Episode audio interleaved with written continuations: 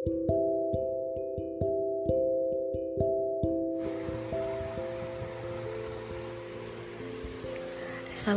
warahmatullahi wabarakatuh. Hedik Mami Podcast. Let's learn and it well. Hai, selamat sore semuanya. Semoga teman-teman selalu diberikan kesehatan dan semangat yang berlebih. Alhamdulillah wa syukurillah Hari ini baru memiliki kesempatan untuk mengisi podcast kembali Setelah hmm, menjalani aktivitas yang luar biasa padatnya tapi alhamdulillah syukurillah Allah masih berikan kesehatan dan kemampuan untuk menghadapinya. Dan terima kasih bagi teman-teman yang masih selalu mendengarkan podcast ini. Mohon maaf sekali baru hari ini memiliki kesempatan untuk on kembali. Jadi udah beberapa hari yang lalu banyak banget teman-teman yang menstage uh, sebuah kejadian di account TikTok aku. Tapi maaf banget baru hari ini baru sempet kita bahas ya. Mudah-mudahan tetap ada manfaat yang bisa diambil. So, without any further ado, let's we start it. Tanggal 21 Maret 2022 terjadi sebuah tragedi di mana seorang ibu rumah tangga membunuh ketiga anaknya. Gitu. Kemudian satu anak tewas, duanya lagi luka parah. Setelah itu, pelaku dibawa ke pihak yang berwajib, kemudian diproses. Dan akhirnya kejadian itu viral beberapa hari yang lalu karena cuplikan video yang menampakkan bahwa seorang pelaku itu tidak menyesal bahkan dia kekeh memiliki opini sendiri bahwa dia merasa buat apa anaknya hidup kalau anaknya dibentak-bentak begitu ya kurang lebih. Kemudian si pelaku berteriak saya hanya ingin disayang oke baiklah dari backgroundnya kita cek dia adalah seorang ibu rumah tangga dan pelaku usaha ya. Luar biasa sekali. Selain dia juga mengurus rumah tangga, ternyata dia juga ada dia juga adalah seorang MUA, makeup artist. Oke, baiklah kita nggak akan memperpanjang kasus ini. Heh, aku bakal beropini. Mudah-mudahan ya kita bisa sesama perempuan kita bisa saling menyemangati ya. Ya aku pribadi ini usiaku sudah 26 tahun di mana usia yang sudah tidak muda lagi ya. Di usia segini sudah berpikir bagaimana caranya menebar manfaat ke sesama manusia bagaimana caranya untuk selalu baik ke semua orang gitu ya? Walaupun sebenarnya nggak bisa. Tapi ya pada akhirnya kita akan berpikir demikian di usia segini gitu. Tapi pertanyaannya bagaimana caranya bila kita ingin menjadi manusia yang bermanfaat tapi kitanya sendiri rapuh tidak mampu mengelola hati dan pikiran. Gak stabil alias labil gitu. Ya kan? Gimana kita mau menebar manfaat dan menebar uh, apa ya positive vibes? Sementara kitanya sendiri aja tidak yakin terhadap diri sendiri. Tidak berdamai dengan diri sendiri. Oke okay, aku kasih contoh deh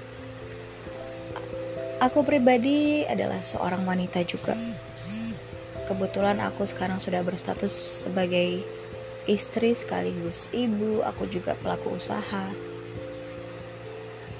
Aku ingin menjadi manusia yang bermanfaat minimal bagi circle terkecil aku nih. Siapa sih circle terkecil aku? Yaitu keluarga kecilku sendiri. Untuk orang tuaku, untuk suamiku, untuk anak-anakku gimana caranya aku pengen membahagiakan mereka menebarkan manfaat ke mereka? Kalau akunya sendiri rapuh baper mudah hancur sulit bangkit. Tentu lucu ya guys. Mungkin bisa dipaksakan mungkin kita bisa uh, fake it gitu. Tapi kan pada akhirnya kita itu manusia Hidup semata-mata hanya mencari ridho Allah. Bila kita tidak tulus, tentu Allah tahu isi hati dan niat umatnya. Dan menurut aku worthless gitu kalau kita udah melakukan sesuatu tapi fake. Buat apa mending mending gak usah sekalian gitu.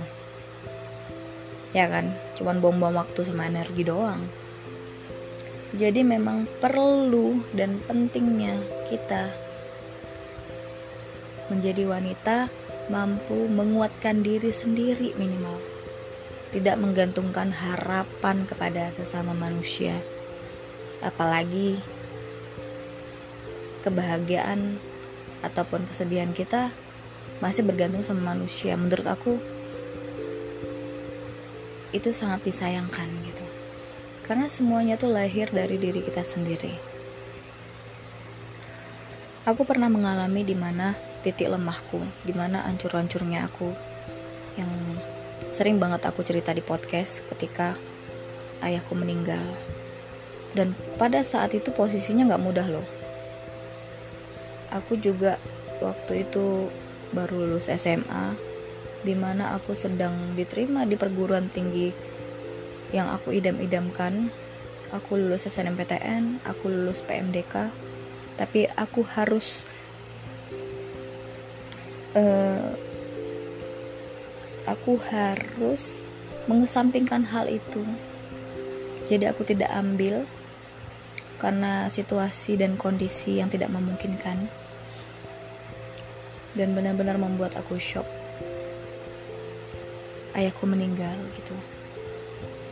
Dibilang sedih ya sedih, dibilang hancur ya hancur banget. Tapi Selain aku percaya bahwa hal itu bisa aku lewati, ketika apa pun yang terjadi di diri aku yang menurut aku pahit, aku akan coba cari nih referensi untuk menjadi stimulus bagi diriku sendiri. Minimal bisa bangkitin gairah hidup lah tapi perlu dicatat ya.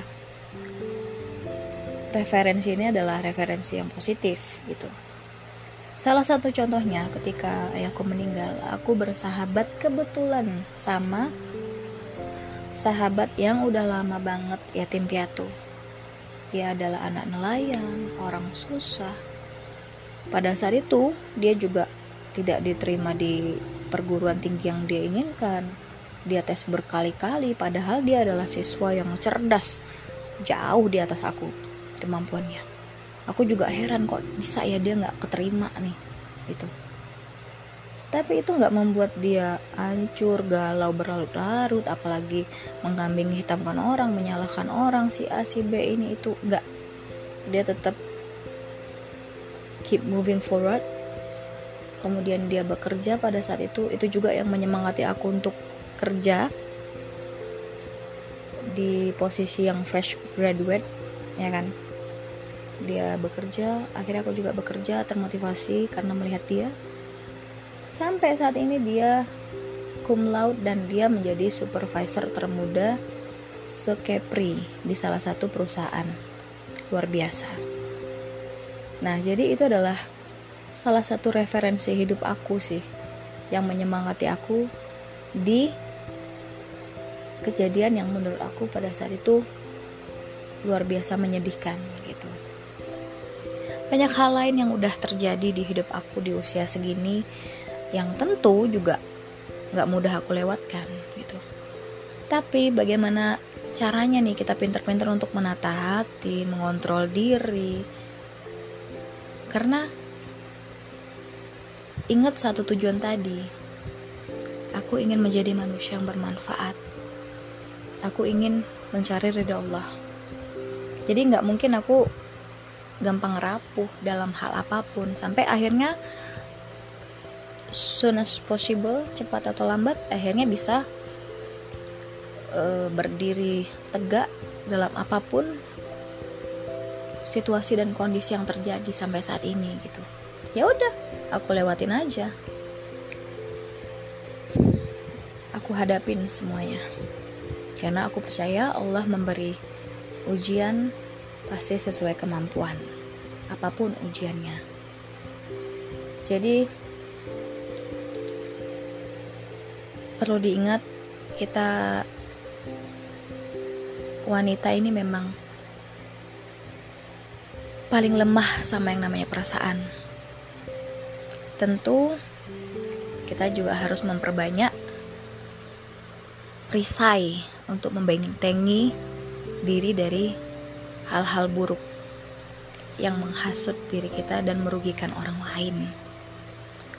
Menurutku nggak ada siapa pun yang mampu membahagiakan diri kita sendiri selain kita sendiri. Perlu diingat teman-teman semuanya yang gendernya sekarang perempuan yang sedang mendengarkan podcast ini.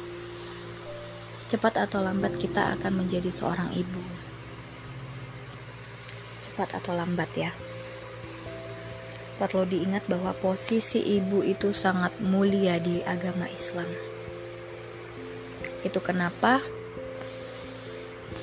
incaran iblis terbesar itu adalah seorang wanita gitu. Lebih spesifiknya seorang ibu gitu. Bagaimana cara merusak sebuah rumah tangga yaitu rusaklah pintu hati seorang ibu gitu. Sampai segitunya loh.